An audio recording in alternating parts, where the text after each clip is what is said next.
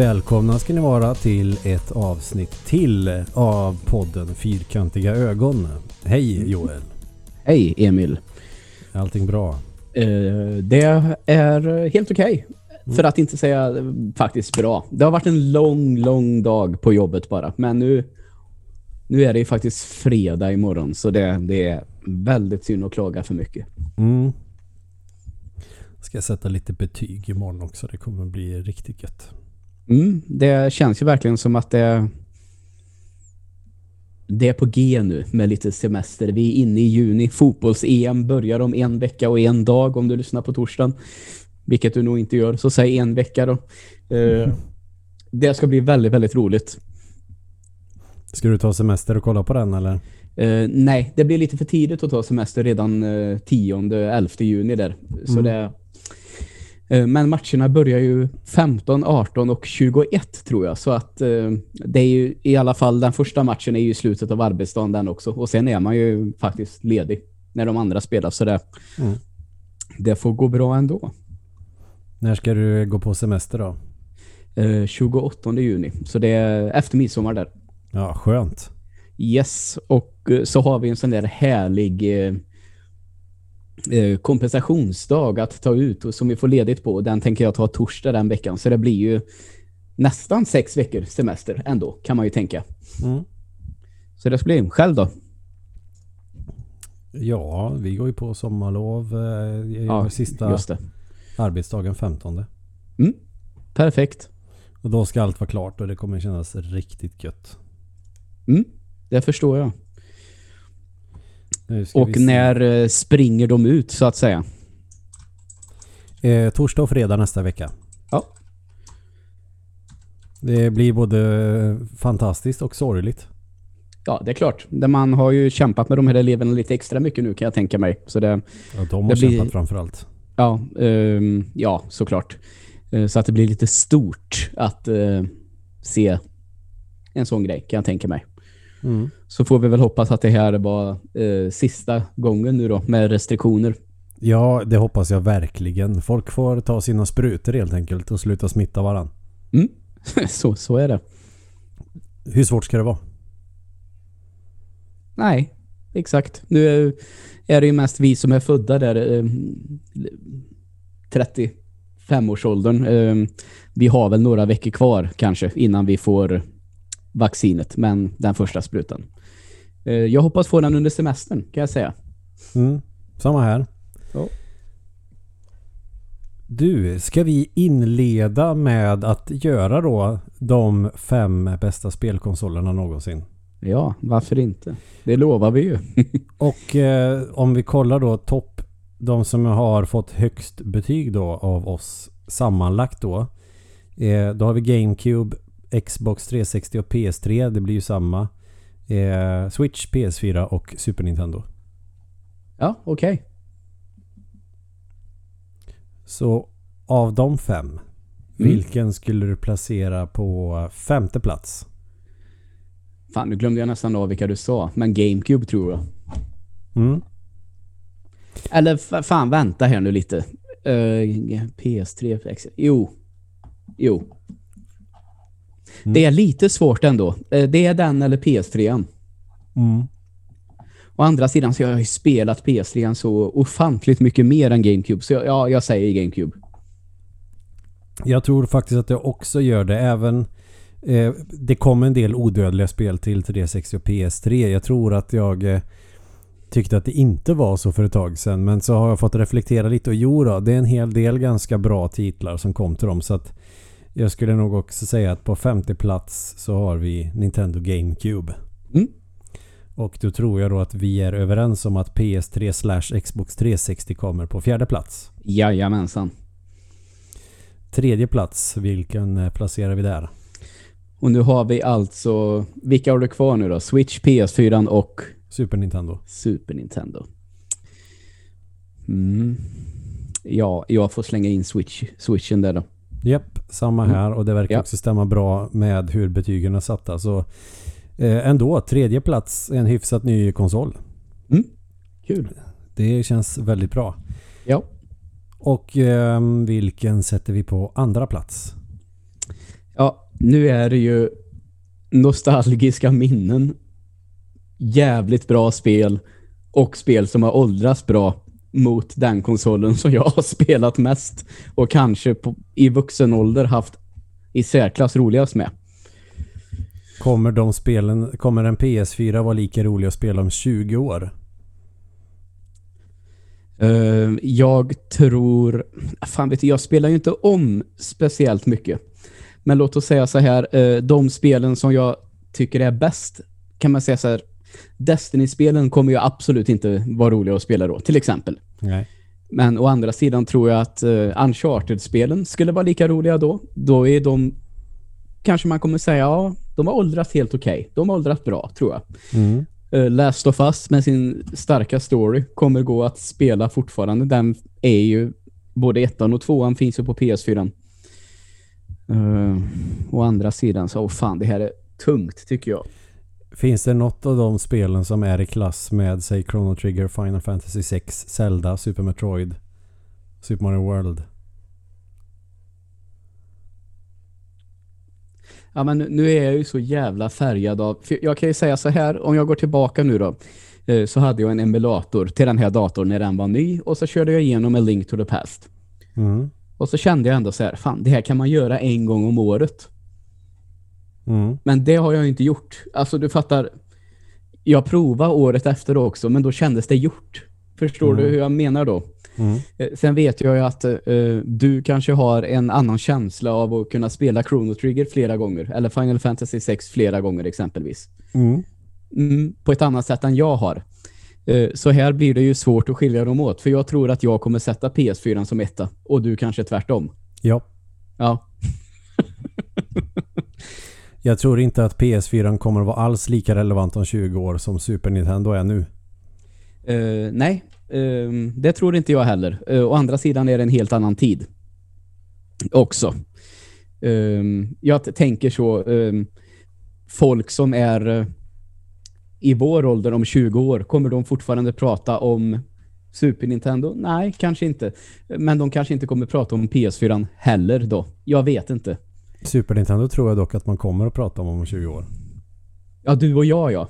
Men jag undrar om de som växer upp. Alltså man hör, har hört lite andra poddar och lite eh, typ eh, P3 sådär. Alltså Ja, de, har ju tänker så, noll, ja. de har ju noll relation till det där. Så jag tänker hur de kanske kommer prata så här om PS4. Ändå, många Det var min första konsol, om och är ändå populära. Mm. Alltså, jag hör ju, du tycker att jag ska ge med mig här. Det är väl klart jag tycker, men du får ju göra samma sak mot mig nu. Det, beg- det begriper du väl? Ja, men alltså, jo, jo. Men alltså inte det... överkörd för sakens skull nu. Alltså vi kan... Ja, nej, ja, jag, har menar en- jag, nej jag, menar, jag menar inte så. Jag menar bara att ehm, det finns ju egentligen inga argument av den typen för PS4. Utan det är ju bara kort och gott den konsolen som jag har haft absolut roligast med. Då är ju den din Alltså- etta. Det är ju ingen snack om sak. Nej, det, det är ju så. Sen, Jag har ju eh, haft absolut roligast med Super Nintendo och eh, med Mm. Playstation 1. Ja. Så eh, fyrkantiga ögon kommer vi kun, inte kunna dela ut i en solklar etta. Kanske inte. Då får vi Ska- göra så här då. Joels andra plats Super Nintendo. Min andra plats Playstation 4. Min första plats Super Nintendo. Joels andra plats är Super Nintendo. Eller Joels första plats är PS4, så menar jag. Mm. Ska vi nöja oss med det? Då får vi se vem som håller med vem då. Om vilken som är i topp. Ja, exakt. Det gör Eh. inget. Man kan vara, man behöver inte vara överens. Man kan vara kompisar ändå. Mm, exakt. Fast jag tycker nog fan Super Nintendo är överlägsen. Men vi släpper det. Så får jag sista ordet. Så kan man också göra. Behärskar teknik och så vidare. Fan vad vidrigt sånt där. Ja, Nej men jag inte tycker att det kalla finns goda skäl att ha Playstation 4 som första plats. Eh, Mm. Men jag tror inte att jag kommer att eh, ha så mycket glädje av att spela en PS4 om säg 20 år som jag ändå har att spela på ett Super Nintendo idag. Det är så jag försöker Mm. ändå på något sätt eh, värdera det. För om, vi- om vi ska se till antal spel av god kvalitet så tror jag nog fast en PS4 är lite vassare eftersom nya tider som du var inne på eh, innebär ju att folk kanske gör mer spel framförallt många olika typer av spel och eh, tycker ändå att gamingen har ju det är ju en konstart som verkligen är så finputsad nu. Mm. Verkligen. Jämfört med vad det var på 90-talet. Så är det ju. Men det finns så många odödliga titlar på Super Nintendo som jag inte känner... Det är inte så många som kan mätas med dem. Mm. Eh, men vi har... Ja, din nummer ett är PS4, min nummer ett är Super Nintendo. Vi säger Ja. bara så. Det ble, blev ett litet, litet mini-dilemma. Det gör ingenting. Nej, kanske inte. För jag hade redan skrivit på telefonen okej Joel kommer att ha PS4 som etta. Så jag har redan satt en siffra. Etta för dig och tvåa för mig. Mm. Innan vi hade det här samtalet. Mm. det är imponerande ändå. Ja. Nej men jag vet ju att du gillar den mest. Så att det, Mm. Då, det var därför jag inte fortsatte att tjafsa helt enkelt. För det är ju absolut ingen idé. Jag kan ju inte säga åt dig att du måste tycka som jag. Då är man ju dum i huvudet. ja, visst. Åh jäklar. En Och- sekund bara. Oj, ursäkta mig. Jag vet inte hur många gånger som jag har haft lektion och får en nysning på gång och så får man inte nysa. Nej, det är helt hopplöst. Så, bara och så händer ingenting. Nej. Jag förstår dig. Man låter som eh, Dyson i Terminator 2 istället. Så, typ. Precis så låter det jättelänge Mm. och sen... Nej. ja, ja, det skänker väl glädje åt någon. Eh, men eh, nu tycker jag att vi bara friåker. Jag har inte planerat eller funderat på någonting idag. Jag är lite för seg i huvudet så att eh, antingen så får du prata resten av avsnittet eller så kommer jag bara säga precis vad som dyker upp i mitt huvud oavsett om jag pratat om det förut eller inte. Mm, det får bli så idag. Absolut. Ja, ja, visst, absolut. Lite snus. Ja, visst får du det. Så. Ja. Ja, var ska vi kicka... Men fan också. Eh, var ska vi kicka av det här nu då? Nej, här var den. Jag trodde jag hade förlagt den, jag också. Men den låg framför mikrofonen. Tack gode gud för det. Snusen, alltså. Ja, ja eh, okej det som slår mig nu är ju att eh, Mm. jag har köpt lite spel. Ja. Kanske du- ska nämna någonting om det då. Jag jag är glad Yes. över att jag hittade just de spelen som jag köpte nu i helgen var det. Mm. Eh, jag, jag måste ha ett foto bara för att komma ihåg så att jag säger rätt nu för att jag har Mm, köpt mm. spel igen efter helgen. Ja. Så jag får öppna fyrkantiga nollgon på Instagram här nu. Och då Yes, börjar Instagram och sega. Nej, jo, jag, hittade ändå ganska fascinerande spel vill jag väl ändå säga. Yes. Och jag har eh, kanske de senaste fem åren kanske. Mm. Älskar ju bärbara tv-spel. Ja. Säger man handhållen så har man fel. Eh, eh, bärbara spel är typ bland det bästa jag vet och då hittade jag ändå några rätt schyssta titlar till Gameboy. Mm. Och eh, fan, Probotector till Gameboy. Okej. är inte så dumt. Nej, det kan jag verkligen tänka mig. Och eh, det, det är ju bland de bästa run and gunsen till 1908-bit. Ja. Eh, Super Probotector till Super Nintendo är bra men det är också väldigt svårt på kanske lite fel sätt ibland. Hur som helst. Eh, till Gameboy, eh, svinroligt. Det är bara fem banor visserligen. Eh, sista banan är dret svår. Ja, det kan jag verkligen tänka mig. Jag klarar inte första. Eller ja, det kanske jag gör. Men eh, ja, jag förstår att det är svårt i alla fall. Det är väl någonting som den serien är mer eller mindre känd för. Ja, men när du väl blir bra på det så är du ju bra på det. Mm. Och det sätter sig ändå ganska bra. Förutom eh, Super Probotector. För det... Jag var bra på det för kanske två, tre år sedan. Nu... Eh, nej. Man måste träna igen. Men till Gameboy, lagom spel också för en bärbar konsol eller bärbar enhet. Det som jag tyckte var lite skumt med eh, Probotector till Gameboy är att det känns inte så optimerat för Gameboy om vi tänker till att fienderna och projektilerna ibland är ganska snabba och man måste kunna reagera fort. Och tittar du då på en spygrön skärm så kan det vara lite svårt att få till det där. Och det är i synnerhet sista banan jag pratar Ja. på. Det är en hiss där som är eh, riktigt otrevlig. Okej. Där Jag får- kommer fiender från alla håll och så ska du hinna akta dig och du ska också hinna se allt det där på en skärm i solljuset. Så att jag fick Ja. köra det på en Super Game Boy för att eh, klara det. Okej. Så det tog några försök. Mm. Och så köpte jag fasiken Kid Icarus till Game Boy. Ja, okej. Det känns... Jag vet att jag har spelat det tidigare men det är ganska länge sedan och jag kommer inte ihåg ett skit av det spelet. Nej. Eh, Så det var ganska kul att komma tillbaks till det. Samtidigt som jag också inser att det här är ju precis nästan som första till Nintendo 8-bit. Kanske eh, lite snällare när det kommer till kontroller och att styra gubben och banan och sådär. Aha, okej. Och att du kan hoppa ner för banan. Du kan gå från slutet av banan och neråt till början av banan om du vill. På Nintendo 8-bit så dör du om du kommer längst ner på skärmen. Ja, ja, okej. Men Okej. det känns väl ändå eh, lite bättre att det är så, va? Gör det inte det? Mycket bättre faktiskt. Då kan du ju feppla till det lite men ändå fortsätta. Mm, exakt. Så det, mm, det kommer jag köra igenom nu. Det, det gäller att ha lite Gameboy-spel till sommaren. Det brukar vara en grej för mig när det är sommar just att man kan plocka Spela fram... handhållet. Ge dig nu. Att, man, att jag spelar just Gameboy. Antingen en Gameboy Advance utan eh, bakbelyst skärm eller en Gameboy Color brukar jag använda för att ha en ganska bra skärm. Ja. Och eh, så köpte jag japanska versionen av ActRacer. Det kostade bara 50 spänn så varför inte? Skulle jag köpa den europeiska versionen skulle jag nog få punga ut eh, kanske en nolla till på den siffran. Och det är alltså spelet som jag fram till du och Max spelade för några år sedan trodde var ett racingspel. Mm. Mm. Och eh, jag kommer inte ihåg att det var så jävla svårt. Aha, Alltså det, det här är ju första spelet. Jag och Max körde ju andra spelet. Mhm. Eh, och jag kände inte igen liksom eh, fiendeplaceringen eller, och sådär. Bara, Men vänta lite, det är inte riktigt som jag minns. Det, det här var fan svårt alltså. Man dog Mhm. fort på de här 2D-plattformsbanorna.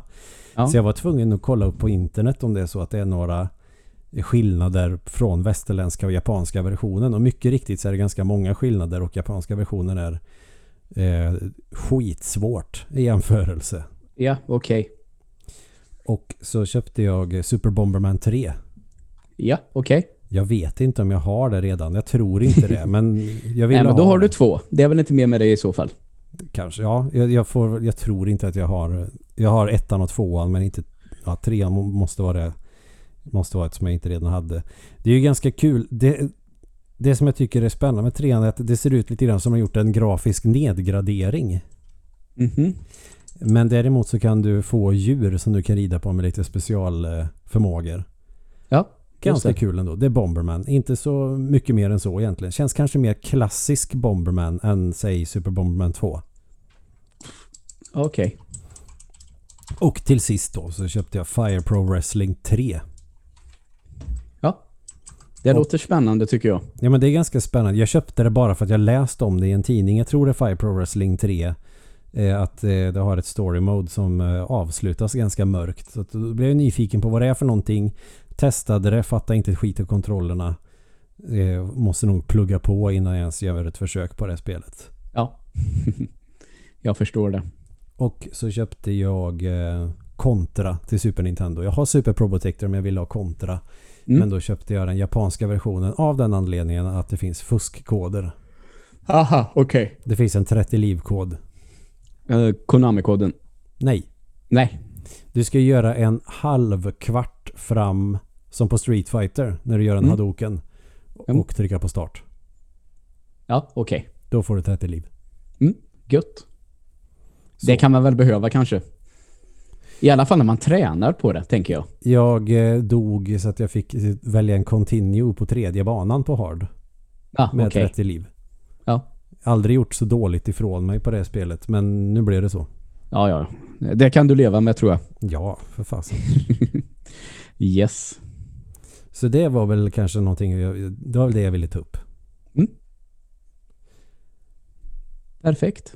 Du hade några filmer som du var lite sugen Eh, på att prata om. ja, eh, jag vill börja med någonting eh, som jag inte har hintat om, det minsta.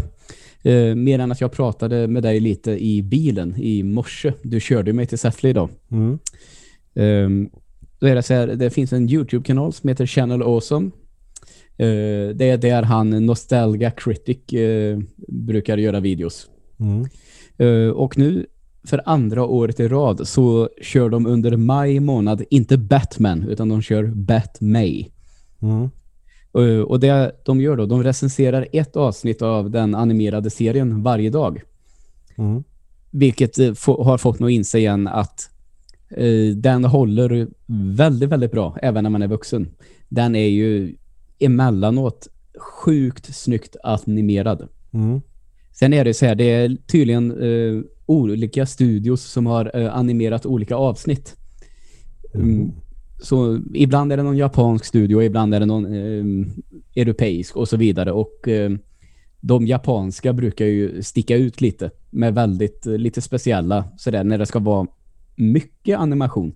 Eh, ett väldigt, väldigt tydligt exempel om ni vill kolla upp något, det är de två första avsnitten där eh, den här boven eller skurken Clayface är med. Eh, det är alltså en varelse som kan forma sig som man vill. Alltså shapeshifting ungefär. Mm. Och de avsnitten de heter, att jag inte kan komma ihåg det så här på rak arm, de heter Feet of Clay. Och eh, där är det en scen när han helt, eh, den här Clayface då helt okontrollerat byter karaktär jätte, jättemycket. Mm. Och den animeringen då är så ruskigt jävla snyggt gjord. Så det finns säkert att kolla upp på YouTube-klipp från det. Så Mm. gör det. Men det var inte det jag hade tänkt att berätta om, utan det är ju faktiskt så att du vet vem som gjorde de första två Batman-filmerna med Michael Keaton i huvudrollen. Tim Burton. Tim Burton, precis. Och eh, det är faktiskt så att de hade, eller han hade planer för en tredje rulle på gång. Han räknade med att jag ska få göra tre filmer. Och saken hör den att den andra Batman-filmen, Batman Returns, den har jag alltid tyckt är ganska bra. Inte i klass med första, det tycker jag inte, men bra. Eh, då har jag fått berättat för mig här nu att när den kom så fick den faktiskt en hel del kritik för att den var kanske lite väl mörk och lite väl äcklig. Med scenen där pingvinen biter näsan av en snubbe och det sprutar blod åt alla håll och Catwoman som kanske beter sig väldigt psykotiskt och har några sådana där... Hon blir ju, om jag säger så här, mördad på ett väldigt brutalt sätt. Och sen kommer katten och slickar av henne blodet och det där. Alltså det, jag tror att studion upplevde detta som det är barnen eh, vi vill göra en film för den här gången. Så Tim Burton, han fick inte göra Batman Forever. Mhm. Eller som hans skulle heta, som hade varit en av de sämsta filmtitlarna någonsin. Batman Continues. Haha. Det hade varit en rätt dålig titel, faktiskt. Det är som att han vill ha något tema med Batman, Batman Returns, Batman Continues. Ja, exakt. Men nu har i alla fall den här kanalen de har gjort sin mest efterfrågade video någonsin, påstår de. De har gjort en video som heter What if Tim Burton directed Batman Forever? Mm. För det finns lite så här eh, delar av manus ute på internet. Det finns lite andra idéer som Tim Burton har haft för Batman-filmer och sådär. Och nu har de spelat in en radioteater med full dialog och liksom en person som läser det här manuset som att det här är hans manus för den filmen han hade velat göra. Tänk om de får en season desist nu för det där. Ja, eh, må så vara. Men jag hade tänkt först, när jag hörde om idén, en timme och 40 minuter så här. Det kan bli pajigt. Mm. Men satan vad det var välgjort. Så jag lyssnade ju igenom hela den här nu. och kan bara konstatera vilken jävla dunderrulle det hade varit. Det kanske är någon som tar fasta på det. Ja, det är en sån alltså det, det som blir eftersom man tänker den skulle utspelat sig ungefär ett år efter Batman Returns. Mm. Så man får göra lite justeringar kanske och sådär, men jo, det är nog omöjligt. Ingenting är omöjligt tänkte jag säga, men eh, den här filmen med så som den var tänkt med skådisarna, eh, bland annat då eh, med tyvärr eh, Robbie Williams i rollen som eh, The Riddler, gåtan. Mm. Kanske något mer nedtonad version än den vi fick av Jim Carrey som egentligen bara var Jim Carrey. Mm. Och inget ont om det, men eh, det kanske inte passar gåtan så det är jättebra. Nej. Eh, tänker att gåtan ska vara det här mastermindet som liksom ställer gåtor för att liksom lösa sitt eget mysterie. Lite så. Och så som de skulle använt gåtan i den här filmen det är att han har gjort en lista på människor som han tror är Batman. Okej. Så det är liksom gåtan som han ska lösa. Ja. Eh, och det hade varit ett rätt coolt koncept tror jag. Att eh, han, han ger människor gåtor som de ska lösa. Men han har själv en gåta att lösa. Och sen hade vi även fått eh, Two-Face och lite, lite Scarecrow också. Så det hade varit tre kanonskurkar i den filmen. Och jag tror att han hade kunnat bli riktigt, riktigt tuff. Mm. Ehm, så om du är den minsta intresserad av Batman så tycker jag absolut att du ska kolla upp det här klippet. Och då är det, jag har sett, det, det var tydligen en, kan, en del kanaler som har gjort lite sådana här filmer med, eller videoklipp med What If Tim Burton Directed. Men då är det den från Channel Awesome och den som är en timme 40 minuter typ som ni ska titta på. Och det kan låta mycket men eh, jag började ganska sent här en kväll i veckan och hade svårt att sluta faktiskt. Eh, väldigt välgjort och intressant och kanske någonting som man skulle kunna tänka sig det här, eh, vad är det de brukar kalla det? Eh, fanzine, det är när man skriver en tidning. Och så Mm. finns det, vad heter det? Fanfiction kanske du tänker Tack, på? tack, tack. Eh, eh, se lite mer sånt och kolla upp lite mer. Jag vet ju att det finns en Star Wars-kanal som gör lite Star Wars fanfiction också sådär. Så eh, om andra håller i ja, så här hög kvalitet så kan det bli någonting som jag, du vet sådär som jag kan fastna i saker ibland. Jo då. Så skulle det här nog kunna vara nästa grej. det är slut med reaction-videos nu liksom. Nu är det sånt här som gäller. Nu är det Harry Potter fanfiction. Ja, ju- just Harry Potter har jag ju inte så stor relation till, tyvärr. Nej. Men varför inte? Det lär ju finnas en del, menar jag. Ja, det kan du ge dig fasen på att det finns. Det finns ganska mycket med snusk också. Ja, eh, apropå det så eh, har jag ju faktiskt snubblat över en sån en gång och jag blev så generad att jag inte kunde fortsätta läsa. Det var, det var bara knull i allihop. Alla man hittade. Ja, fan vilka känslor folk sitter inne med, kände jag bara. Det är lite creepy också.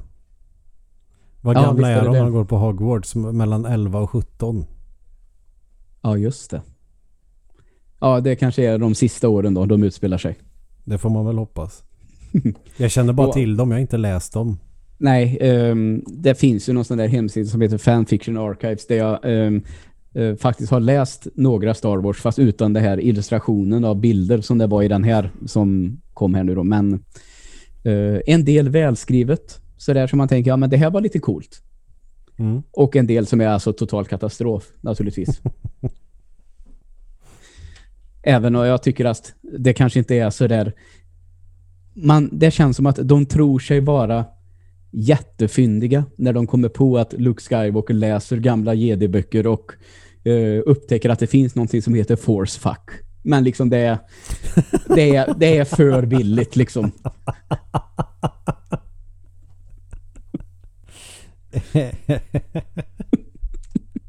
och en light schnabel. Ja, exakt. Eller light svans kanske. Mm, Men eh, nog om det tror jag med fanfiction. Det tror jag inte att jag kommer så mycket vidare med nu idag. Men eh, någonting annat som dök upp här eh, i förra veckan som jag faktiskt har sett fram emot sen eh, jag såg trailern och jag vet att jag skickade trailern till dig och vi konstaterar väl båda två att det här kommer att bli kul. Mm. Och det är den här nya zombie-rullen på Netflix av Zack Snyder som heter Army of the Dead. Och ja, vi kan väl börja där. Jag hade kul. Mm. Sen ska man ju ha på sig klara att det är en film som är fylld med ologiska val. korkade karaktärer och ibland en del, som man säger, eh, jag säger det på engelska nu, plot holes. Alltså med att man satt några gånger. Men nej, hur gick det här till? Men kort och gott så får man ju bara konstatera att man får skita i det. Och så får man kolla på jävligt snygg action. Med brutalt snygga scener och faktiskt ganska gore också. Vet du, mycket blod och huvuden Mm. som flyger åt alla håll och kanter. Så ja, den var väldigt, väldigt rolig. Men alldeles för lång. Ja, Jag tror att den klockade in på, vet så där, som en del filmer gör nu, en bra bit över två timmar. Och den hade nog lätt kunnat stryka 15 minuter kanske. Där filmen hade mått... Saknar en och en halv timmes filmerna. Ja, eh, men alltså, jag hade kunnat köpa att den här var 1.50. Precis under två timmar. Det hade den kunnat vara. För den, den börjar ändå rätt intressant. Och jag tänker så här, jag hade ju trott att här blir det ös från första sekund. Men den tog sig faktiskt tid att bygga upp storyn och visa vilka karaktärer som skulle vara med och så vidare. Och man fick en relation till det här gänget som ska göra den här heisten. Så det var jag helt fine med. Men sen när det väl börjar och de, det växlar upp i det här zombieslaktartempot och det, det är olika zombies. Det finns alpha zombies som är smarta och har byggt upp någon form av jävla rike där inne i Vegas som mänskligheten har skärmat av.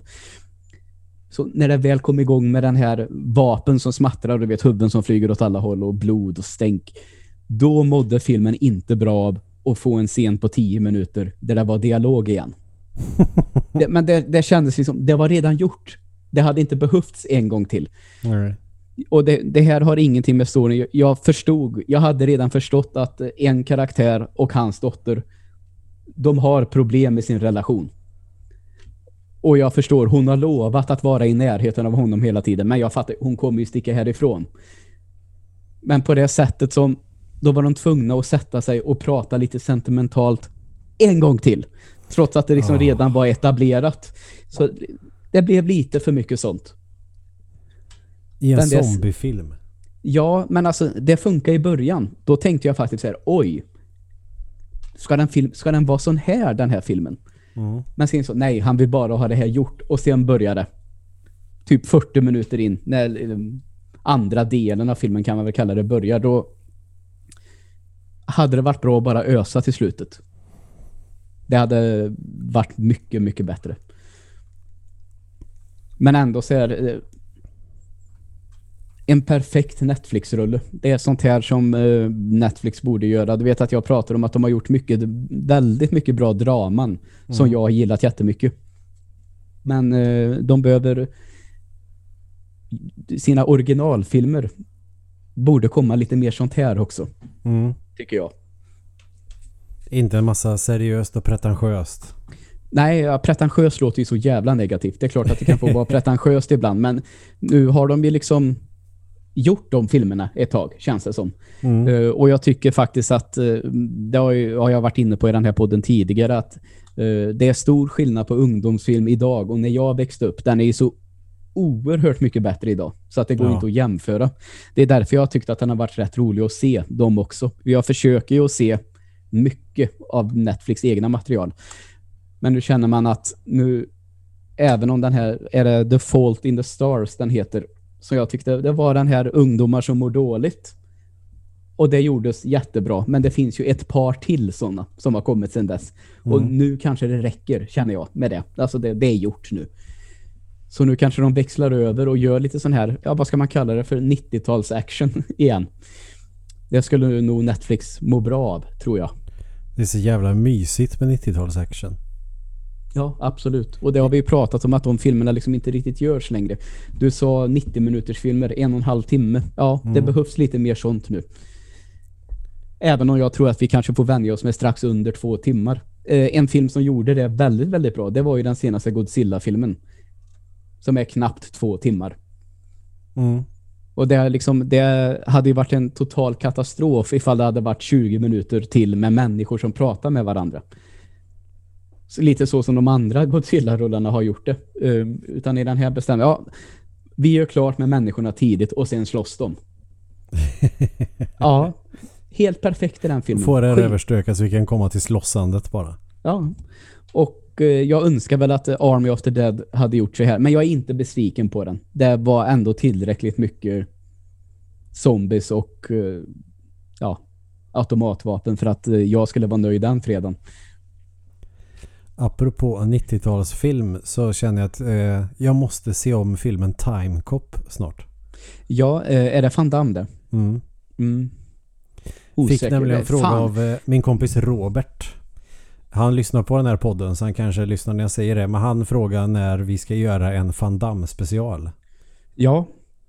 Eh, och då kan jag ju svara att det är eh, eh, Robert att det ligger lite ansvaret för mig, tyvärr. För jag måste se lite fler Van Damme-filmer. Och det finns ju olika typer av Van Damme-filmer. Vi har ju karatefilmerna från 80-talet. Mm. Och sen Det har har jag inte vi sett en enda, typ, tror jag. actionfilmerna från 90 90-talet. Varav några är en tvilling med sig själv. Ja. Och där har jag ju sett de här Universal Soldier-filmerna. Men sen Mm. börjar det bli knapert rätt snabbt. Med de jag har sett faktiskt.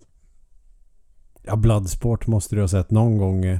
Eh, Nej. I, måste, eller måste du se någon gång i ditt liv? Mm. Men alltså jag vet ju att jag har sett den där han eh, tränar med fyra brudar. Och ja, de det har typ... där. Det är kick... Ja, den har jag sett. Eller, det är nog... eller då, då dansar han i en bar. Nu, du tänker på när han, eh, eh, när han dansar ballett. Ja, Ja, ah, det är Double Impact. ja, då är det den jag har sett. Det är en Sen tvillingfilm för övrigt. Ja, okej. Sen är det nog så att jag har inte sett någon av de andra karatefilmerna han har gjort på 80-talet. Inte en enda. Och eh, Double Impact är ju action. Det är inte så mycket karate. Ja, okej. Du ser. Så... De, de som han har gjort som en karatefilm, vilka, alltså de eh, är bäst kända och de bästa som eh, kan vara värda att se det är ju Kickboxer och Bloodsport. Sen Mm. eh, förväntar inget Oscar-material ja, här. nej, men för det, helvete. Det förstår jag. Det är ungefär som att spela Mortal Kombat på Super Nintendo. Ja, men det Ja, ja, var det- trevligt. Inte det bästa, men det var jävligt trevligt och Ja, det är coolt. det har ju onekligen sin charm och... eh, Och då är det ju Rocky eh, temat som de kör stenhårt på fast Mm. eh, mycket sämre dramamässigt men lite roligare fightmässigt. Nej men eh, så eh, Robert, eh, absolut en Van Damme special kommer garanterat att komma. Det, så är det ju bara. Så stor är han ju i, den, i de kretsarna. Det får vi nog göra tre specialer. Karate Van Damme, Tvilling Van Damme och Action Van Damme. Ja, men då får det väl bli så att vi kör en Van Damme special och en friåkning emellan varje dag. Ja, Skulle gå att göra till exempel. Men absolut. Jag lovar att jag ska ta tag i det här under sommaren. mm. Så kan jag säga. Och så lovar jag det. Så kan det bli en sån härlig grej i, eh, när man är tillbaka på jobbet igen och behöver Mm. något roligt att prata om. Så ska vi prata om Van Damme. Det lovar jag nu. Heligt. Och om det är någon som undrar när vi ska se Steven Seagal så aldrig fastnat för honom. Eh, nej, eh, den enda gången jag kommer ihåg det var eh, den här gången återigen berättat om. Det är mycket sånt i den här podden. Mina historier börjar att ta slut. Det var den här när farsan hade varit och bovlat. Han hade varit ute med jobbet och jag och mamma var ensamma själva en fredagkväll. Och eh, så här, vad ska man se på? Och så, ja, men hon sa så här, ja, men det är en film med Steven Seagal. Det är, men vi kan se den. Och så jag tyckte ju att det var fantastiskt när han eh, sparkade folk runt där på restauranger och kastade bord på dem och massa sånt där. Och morsan eh, under hela filmen kallade honom för benknäckar-Seagal. att hon tyckte att det var lite roligt. Och sen kom farsan hem och mamma gick och borstade tänderna och jag berättade för farsan att vi hade sett den här. Och sen hör jag att mamma kommer. Så jag gömmer mig i en dörröppning. Och så kommer hon och går mot pappa. Så hör jag att hon säger så här. Ja, hur var kvällen då? Och då hoppar jag fram, karatesparkade i luften och sa benknäckarsigel. Så. Och morsan blev så jävla rädd.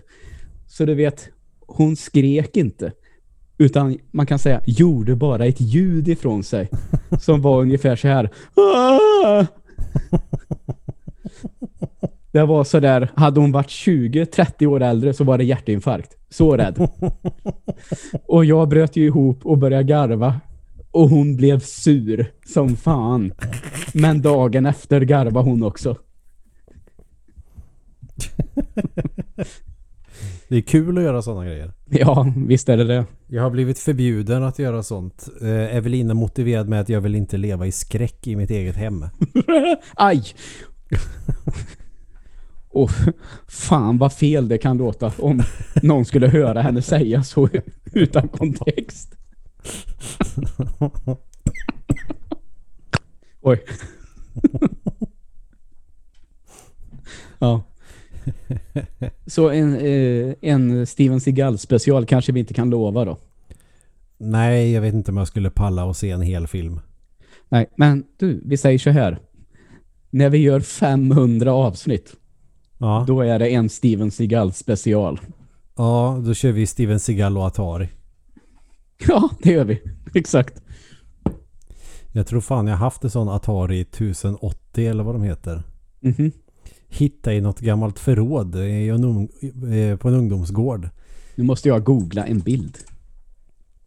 Och så tog jag med den hem och testade med eh, eh, power supplyen till min Amiga. Och så funkade den men jag, hade, jag kunde inte göra någonting med den. Sen låg den i eh, något rum. Jag vet inte hur länge. Sen eh, vet inte fan var den tog vägen. Om jag sålde den eller om den bara har försvunnit. Sa du Atari 1080? Jag tror den hette så. Jag har inte jävla susning. Ja, skitsamma. Jag fick inte upp något. Atari SD kom upp. Skitsamma. Uh, ser cool ut. Dock. Den som kom upp på bilden. Ja. Är det 1040, 1050? Jag har ingen aning. jag, nu, vänta, jag kan inte släppa detta. Nej, jag förstår. Det är lätt att det blir så. 1040 finns det dock en som heter. Det är Är- bra poddmaterial är- där. Varför tänker jag 10... Nej, det var nog fan en Atari ST bara. Ja, ja. Men vänta lite. Ja, det är 1040, inte 1080. Yes. Ja, då är jag med. Ja, en sån eh, hittade jag och tog med hem. Gött. Det är du att hitta en sån också. Du, Det i det här förrådet det fanns det också en Amiga... Fanns, ja, det... Jag, blev väldigt glad när jag hittade den. Men grejen Ja. var, i det här förrådet fanns det ett gäng Amiga 1000 och Amiga 4000. Mhm. Tror jag. Eller 3000. Nej, jag fann fem att det var 4000. För att jag visste redan då att oj, de här finns ju typ inte att få tag på om man inte har... Eh, om man inte tjänar pengar gräs. Aha, okej. Och det här var ändå typ 2004 eller någonting. Mm. Och ja, det kanske, det kanske skulle varit en Amiga 4000 jag plockade med mig hem. För det var ju sånt som hade varit där hur många år som helst. Ja, just det. Då kände jag att fan också. Ja, det är sånt som händer. Du kanske, kanske får chansen igen någon gång, förhoppningsvis. Om du har en jävla tur, med andra ord. Ja, jag är ganska nöjd med min 1200 an- annars. Ja, det är klart. Eller om jag skulle hitta en Amiga 4000T. Det hade varit ganska coolt. Mm. Nåväl, nåväl.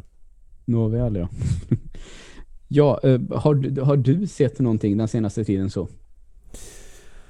Uh, ja, det måste jag väl ha gjort. Eller för den delen spelat. Du behöver inte hänga upp dig på och sett något. Det Ja, är... men det kan vara kul när vi har pratat mycket spel och pratat om film också. Eh, jag, så jag har mest slötittat när Evelina har kollat på någonting och då är det ju liksom Criminal Minds och Grey's Anatomy inte så här superintressant. Nej. Jag tycker att det är ganska kul med Criminal Minds när de eh, ska göra gärningsmannaprofiler Ja. Och eh, träffar mitt i prick varenda gång och kan bara räkna ut vem det är utifrån en gärningsmannaprofilering. Ja, ja, okej. Som är en eh, ganska ovetenskaplig metod för det första. Ja. Det betyder inte att den inte är effektiv. Det går bara inte att mäta Nej, nej, såklart. gärningsmannaprofilering. För det är ju många kanske eh, vetenskapliga teorier som blir en och då är det svårt att mäta. Mm. Men eh, just det, eh, kul att du nämnde det. Jag lyssnade nämligen på P3 Dokumentär häromdagen. Eh, om Lasermannen. Den eh, gärningsmannaprofilen var ju rätt träffsäker. Ja, och sen eh, pratade de med han som tog fram det här och han är ju ganska tydlig med att säga så som du säger att ja, eh, såg det här som liksom ett annat tänk som polisen skulle kunna ta del av. Mm. För att liksom som komplement. Det kan vara bra att det här finns också. Och nu blev den ju väldigt, väldigt på pricken just den här gången. Mm. Och det, ja. Och eh, det, det är inte så där jätteofta man gör gärningsmannaprofiler heller. Vi har ju bara en, så, en grupp i hela Sverige som gör det. Mm. Och då är det när man inte har någonting att gå på. Man har inga vittnen, man har inget eh, någon, inte ens någonting du skulle kanske kunna få någon form av DNA-spår på. Då kanske man gör en gärningsmannaprofilering. Och om det är dessutom någon som upp, eh, begår allvarliga brott vid upprepade tillfällen. Mm. Tror Hagamannen fick en gärningsmannaprofil som var Kommer inte ihåg om den var träffsäker eller inte. Men jag vet, eh, det är den typen av brottslighet. Lasermannen, Hagamannen, sådana där Ja. as. ja, det kan man väl lugnt säga. Så det, det, det vet jag så att du tänkte på i typ varenda avsnitt av Criminal Minds. Att jävlar vad de är effektiva när de gör gärningsmannaprofiler. Ja. De står och diskuterar med varandra och så bara Det är han! Och så tar de honom. Ja, det är lite över. Men sen tror jag eh, dock, det är väl en större grej i USA med det där Ja, också, tror jag. Eh, på riktigt. Sen är det klart att det skulle funka varje gång. Och så som du säger, att det står fyra jättesmarta människor och knäcker det direkt. Eller ah, 50 minuter serie. Det är väl överdrivet förstås. ja det är, de sitter nog mest och läser en massa grejer i evigheter. Det är nog, Mm. det är nog väldigt icke-glamoröst att göra en gärningsmannaprofil. Ja, det tror jag också.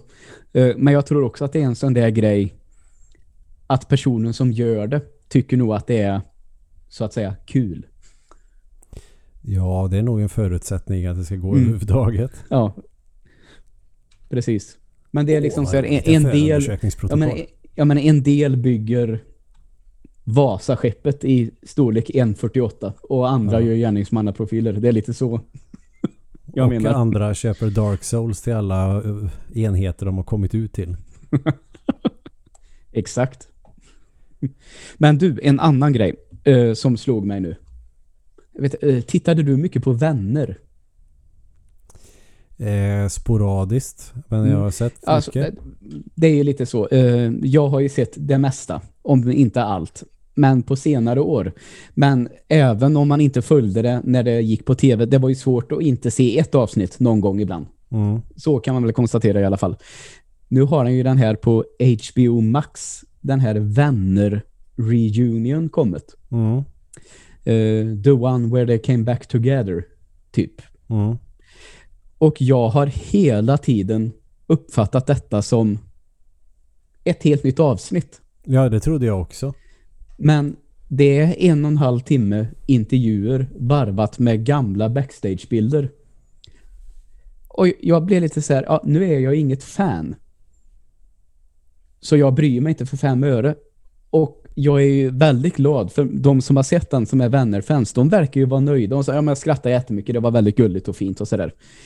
Men jag försöker ju sätta mig in i, tänk om man hade läst det här. Seinfeld, Seinfeld Reunion, 90 minuter. Alltså jag hade ju flyget i taket. Och hade jag sen fått reda på nej, de ska intervjua dem och man ska få se gamla bilder. Då hade jag blivit så jävla skogstokig att jag tror att jag hade aldrig sett Seinfeld mer. Det hade varit droppen liksom. Ni gör inte så här mot mig, hade jag känt. Ja, det känns lite otacksamt. Man vill ju se hur det gick efter sista avsnittet. Precis. Men så får man bara nej, det är slut där. Och det blir aldrig någonting mer. Men du vet, jag hade varit så galen på detta. Det är så jag har tänkt på den här jävla vänner-reunion. Apropå det jag sett senast. Jag har ju faktiskt börjat titta om på Seinfeld. Ja, eh, alltid roligt att göra. Och eh, det slog mig också nu. Eh, dels Evelina påpekade det och när jag kollade lite på serien och bara kunde fastslå att vilka jävla as de är. Ja, det är klart att de är. De är ju fruktansvärda människor. Ja, och det är det som sista avsnittet går ut på, typ. Det är ju underbart. Ja, jo, det håller jag med om att de är. Det är lätt att Vem tycker, leva vem tycker det är det största aset då? Största aset av dem allihop. Ja. Oj. Eh, ja men det är nog fan George. Ja, du tycker, för det, det är intressant det där. För jag tycker att det är lättast att säga George. Ja, Men för, för ibland tänker jag att jag tycker att han utnyttjas lite ibland också. Jerry eh, ett- är ju också ett fruktansvärt as. Ja, och det, det som jag tänker att Jerry är värre, det är att han är tillräckligt smart för att förstå det. Ja. George är bara ofta ganska korkad med vissa saker. Jag tycker synd om sig själv framförallt. Mm. Kan Och inte tänk- förstå att, att eh, det är jobbigt. Mm, Jag tänker, eh, tydligt exempel på vad jag menade, det är när Gary Fogel har ljugit om att han har haft cancer och berättar det i förtroende för George. Mm. Och så sen kommer ju George hem till Jerry och Jerry ser ju direkt att det är någonting. Och han säger, nej men snälla, jag får inte säga, jag, jag får inte säga det. Men han liksom knäcker George tills han säger det. Och jag tänker att det är ju asigt. Även om det är asigt att berätta det där, så är det nästan ännu värre att liksom pressa fram det. För att man vet att man kommer att lyckas. Jag Därför kanske- är Jerry mycket värre. Jag kanske borde se några fler säsonger först. Det är på andra tror jag. Ja. För George gör ändå en del grejer i de tidigare säsongerna. Där var, vilket, vilket as han är. Vem fan tror att han är? Hur fan kan folk gilla honom? Han är ju fruktansvärd. Ja. Plus att George eh, dessutom förgiftar sin fru, inte medvetet, men han blir bara lättad när hon dör. Det är det asigaste som görs i hela serien. Ja, det är för att han hela tiden har pratat om hur ska jag ta mig ur det här? Ska jag flytta till Europa under ett år eller räcker det med Long Island? Och så dör hon och han bara ah, Mm. vad gött, jag slapp Ja, de- det här. Och de Det tror säger, jag nog, det finns ska vi inget- gå och ta en kaffe? Ja, och det tänker jag det är nog det också som gör att George är kanske det största aset. För, för så reagerar ju egentligen ingen. Nej, såklart inte. när ens blivande fru dör. Det är en spoiler men vad fan, det är en gammal serie. Ja, såklart. Det tror jag att man kan... Och man blir lättad. Och hoppas kunna leva på liksom gamla tillgångar på ett arv. Ja, men det skiter ju sig sen. Ja. Då Ja. känner jag lite grann, ja det, det är en sån grej som gör honom kanske. Mm. Sen är Jerry, ja han är ju manipulativ. Så är det ju. Mm. Eller är man ett as själv för att man har skrattat åt att han blir lättad? Så det kanske är jag som är det största aset. Nej, man har ju distans till det som fan för att det är fiktion. Hoppas jag det. garvar ju åt folk som blir dödade i splatterfilmer. Ja, jo, förvisso. Där höll jag på att säga, men det är ju inte på riktigt. Precis som att Seinfeld är. I Seinfeld så i sig, det finns ju människor som skulle kunna vara så. Ja, det tror jag. Och värre. Ja, men alltså det, det är väl så. Alla karaktärer bygger väl på en verklig person. Just det, George är väl Larry David själv, tror jag. Ja. Eh, fast naturligtvis väldigt, väldigt överdriven, förstås. Och Kramer är väl någon granne som man, någon av dem har haft vid något tillfälle. Ja, han är nog minst asig just för att han är alldeles för dum för att fatta. ja, absolut. Sen ska man nog inte underskatta Elaine heller. Mm. Hon kan nog fan också vara en kandidat för det största aset. Ja, kanske, kanske. Ja, Ja, Något det, här, mer? det här känns ju som att det skulle kunna bli ett poddavsnitt egentligen. Seinfeld, vem är det största aset? Mm. Ja, vi får, vi får spara våra diskussioner till ett sånt avsnitt då. Och fortsätta väl då. Avsnitt 300 kanske. ja, det största aset i Seinfeld. Mm. Ja, eh, någonting mer. Åh du, jag vet inte fasen, jag har inte sådär jättemycket. Eh, Nej. jag är ganska trött i skallen. Däremot Mm. så kommer jag att tänka på... Jag skulle fan... Eh, Jag, har köpt en Super NT som den heter. Eh, Mhm. Och den är, det är ju hårdvaruemulering. Ja, okej. Det vill säga det är ingen sån här skitmaskin som den här Retron 5 och sånt där som har eh, där är nedladdade emulatorer från nätet och så själva hårdvaran är bara för att kunna läsa av romfilerna i kassetten och sen så kör spelen via mjukvaruemulator. Men för, för, är det den som ser ut som en liten Super Nintendo? Ja, precis. Ja, ja, men då vet jag vad du pratar om utan att googla. Ja, och är det hårdvaruemulering då är det alltså datachippet som är typ som ett Super Nintendo-chip. Det Mm. innebär att det är som att spela på riktig hårdvara. Ja, just det. Medan mjukvara är eh, en hårdvara med en mjukvara som ska vara hårdvara så att säga. Mm, okej. Eller bara mjukvara som ska vara hårdvara. Vilket innebär att det är lagg och sådana här grejer. Eh, Jag har ju två stycken Raspberry Pi. En 3 och en 4. Ja. Som jag ändå har plågat ganska mycket med lite arkadspel och sådana här grejer. Eh, Och så finns det ju för fasiken en sån eh, minidator till som bara vänta lite nu. Varför har jag inte köpt en sån här än? Och Mhm. eh, jag funderar på om det ska få bli en sån till sommaren. Eh, En Mister tror jag de heter. Aha, okej. Och eh, den är ju som, tänk dig som Raspberry Pi för den kan ju emulera jättemånga olika konsoler och datorer. Mm. Men då är det ju bara mjukvaruemulering. En Mister kan också emulera väldigt många olika konsoler och arkadkabinetter antar jag, eller arkad-PCBer. Eh, Amiga, Atari och så vidare. Fast då är det hårdvaruemulering. Aha, okej. Det är som att den skulle kunna förvandla sig till typ eh, alla möjliga konsoler du kan tänka dig. Men eh, är det som precis som en Raspberry Pi att det är ett kretskort bara? Eller hur ser den ut? Förstår du hur jag menar då? Jag tror nog inte att det bara är ett eh, kretskort. Det, det är nog lite fler. Alltså grejen är att det här känns som en eh, maskin du egentligen köper delar till och bygger ihop med mer Aha. och mer grejer så att den blir bättre och bättre. Ja, okej. Det, det ser ut som att man har kanske, vad vet jag, två, tre kretskort på varandra. Och så köper man kanske någon fläkt till eller någon eh, lite fetare processor. Inte vet jag, jag gissar Mm. nu bara.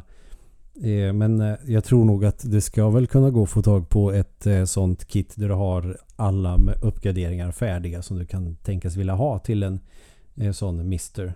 Ja, just det. Det är ju en sån FPGA. Aha, okej. Och eh, jag tror nämligen att Super NT som jag har är FPGA också. Mm, okej. Och om man då kan få en FPGA som är typ alla konsoler Mm. så skulle jag nog vilja köpa en sån. Ja, det förstår jag. Fast jag skulle nog kanske inte ha den för att emulera konsoler först och främst. Eh, men eh, jag skulle nog kunna tänka mig ha den för att spela arkadspel. Ja. För det tycker jag är ganska kul. Men när jag köpte min eh, Raspberry Pi 4 Du kan ju ta bort frames eller vad man ska säga. Alltså du tar bort de här framesen mellan knapptryckningen och att det händer något i spelet. Ja. Att du kan ta bort laggen med någon form av load state-aktig funktion är det ju. Aha, okej. Att den gör en load state framåt i tiden när du trycker Mm. på knappen för att eliminera input lag. Ja, det- eller- High-tech och coolt tycker jag. Det är jävligt coolt vilket gör att man kan spela ändå vissa Super Nintendo-spel utan lagg. Mm. Men om du tar bort för många frames så händer det ju saker, vad ska man säga, i förtid. Ja, Som Super Metroid, då kanske du har en frame innan Samus hoppar. mm. I eh, original så att säga. Om du tar bort den framen så blir reaktionen för snabb. ja okej. Ja. Då förstår jag. Men om man skulle ha en sån FPGA då skulle det inte vara någon lagg. Och eh, arkadspelen, eh, om man säger MAME 2003 till exempel, som är den versionen jag använt mest. Där kan du inte, för att jag tror inte den har save state-funktionen på det sättet. Okej. Som eh, de andra coresen har på en Raspberry Pi. Du kan göra load och save state i MAME men inte på något annat sätt. Nej. Tror jag. Och då Ja, funkar inte det där. Då blir det lite laggigt. Ja. Speciellt om man kör trådlöst. Mm, just det. Och det vill du inte ha om du ska spela Dodonpachi eller Street Fighter 2. eller vad det Nej, det förstår jag verkligen. Så då kanske jag ska köpa en sån då. Men de måste importera från typ Portugal verkar vara närmast. Aha, okej. Ja, ja. Men det, det är ju EU i alla fall. Ja, och så med skatt och sånt inräknat så kanske man kan får den för 4000. Mm. Ja, men det kan det ju absolut vara värt tycker jag. Eh, Alla konsoler på ett snyggt packat sätt och utan lagg. Ja, den verkar uppdateras så att den klarar fler konsoler också. Ja, just det. Och då är oftast eh, den stora utmaningen om du ska ha emulering, det är ju Nintendo 64. Aha, okej. Ja. Så får vi se. Jag vet inte hur väl den funkar med allting. Men Nej. om den ändå har samma chip som Super NT har så lär ju i alla fall Super Nintendo de gamla konsolerna inte vara några som helst problem. Nej, exakt. Jag förstår. Så det var väl det då som jag tänkte jag skulle vilja ta upp. Kanske finns det någon som lyssnar som har koll på det där som om någon man skulle rekommendera eller inte. För 4000 är ändå ganska mycket pengar att eh, spara ihop då. Ja, verkligen. Så är det någonting mer du vill tillägga? Eh, ja, innan vi eh, avslutar så måste jag ändå eh, påpeka att eh, jag tycker att det är väldigt, väldigt trevligt att man får gå på bio nu igen. Just det. Oh. 50, 50 personer i varje salong och så vidare. Och jag sitter här nu och tittar vilken film kan det komma som bara är den här jävla actionrökaren. Och då har jag ju noterat faktiskt att, eh, och det här är ju helt absurt egentligen, men Fast and Furious 9 kommer på bio den 14 juli. Och han säger, den ska jag fan se på bio. Det är precis det som jag kommer vilja se när jag går på bio första gången. Jag skulle Eh, nästan kunna tänka mig att se den bara för att gå på bio. Tänk dig Eh, att Ja, men det är ju därför. Käka oxfilé, dricka vin, gå på bio. Ja, exakt. Eh, för hade det inte varit så att jag redan hade sett Godzilla vs. Kong så hade det varit den filmen jag gick och såg på bio faktiskt. Mm. Det är nästan så trots att jag har sett den faktiskt skulle kunna tänka mig att se den på sån fet stor skärm och, det där ljudet faktiskt. Mm. Men vi får väl se här eh, om jag kan hitta lite tid över till helgen kanske. Redan ganska uppbokad, men det får bli en söndagsgrej kanske. Jag ska nog vänta till semestern så man kan göra det på en tisdag. Ja, eh, jag håller med. Det finns eh, stora fördelar med att faktiskt vänta lite. Och det är inte så många dagar kvar. Särskilt inte för dig. Nej. Då kanske man kan vara lite salongs. på en uteserveringsöl, vad vet jag. Mm. Varför inte? Mm, nej, jag, jag ser fram emot att få göra det där igen faktiskt. Mm, det ska bli kul. Men då så. Är det dags för Sollen via det Saxosammenbind? Ja, eh, det tycker jag väl. Jag känner att eh, det har varit en lagom friåkning efter tre avsnitt fyllda med eh, väldigt bra snack tycker jag själv. Ja, Så känns det kul, särskilt efter förra veckans mastodontavsnitt att kanske runda av lite tidigare den här gången och ta nya tag för nästa vecka. Jag känner också det. Och nu Mm. börjar raggarbilarna här ute dra igång också. Ja, det är vackert. Eller hur? Mm. Eh, så då tackar vi så hemskt mycket för att ni har lyssnat. Ja, och eh, förresten, jag vill tacka eh, din bror och eh, Jonas också för att ni skrev till oss förra veckan. Och jag har svarat nu också, så Mm. det dröjde lite. Men tack så mycket för att ni hörde av er. Och eh, ja, Jonas, jag håller med om att läget var för ett sånt där för-efternamn-historia som jag brukar ha ibland. Jag håller med dig om det, faktiskt. Det är Så tack så mycket. bara det. Ja, tack så mycket för att ni skrev. Ja, tack ska ni ha. Tre gånger. Ja, hej.